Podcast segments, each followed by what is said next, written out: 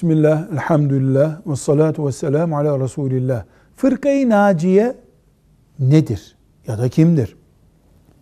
Fırkayı naciye, kurtulmuş grup demek. Yani ateşten kurtulmuş ve Allah'ın azap tehdidinden kurtulmuş insanlar demek.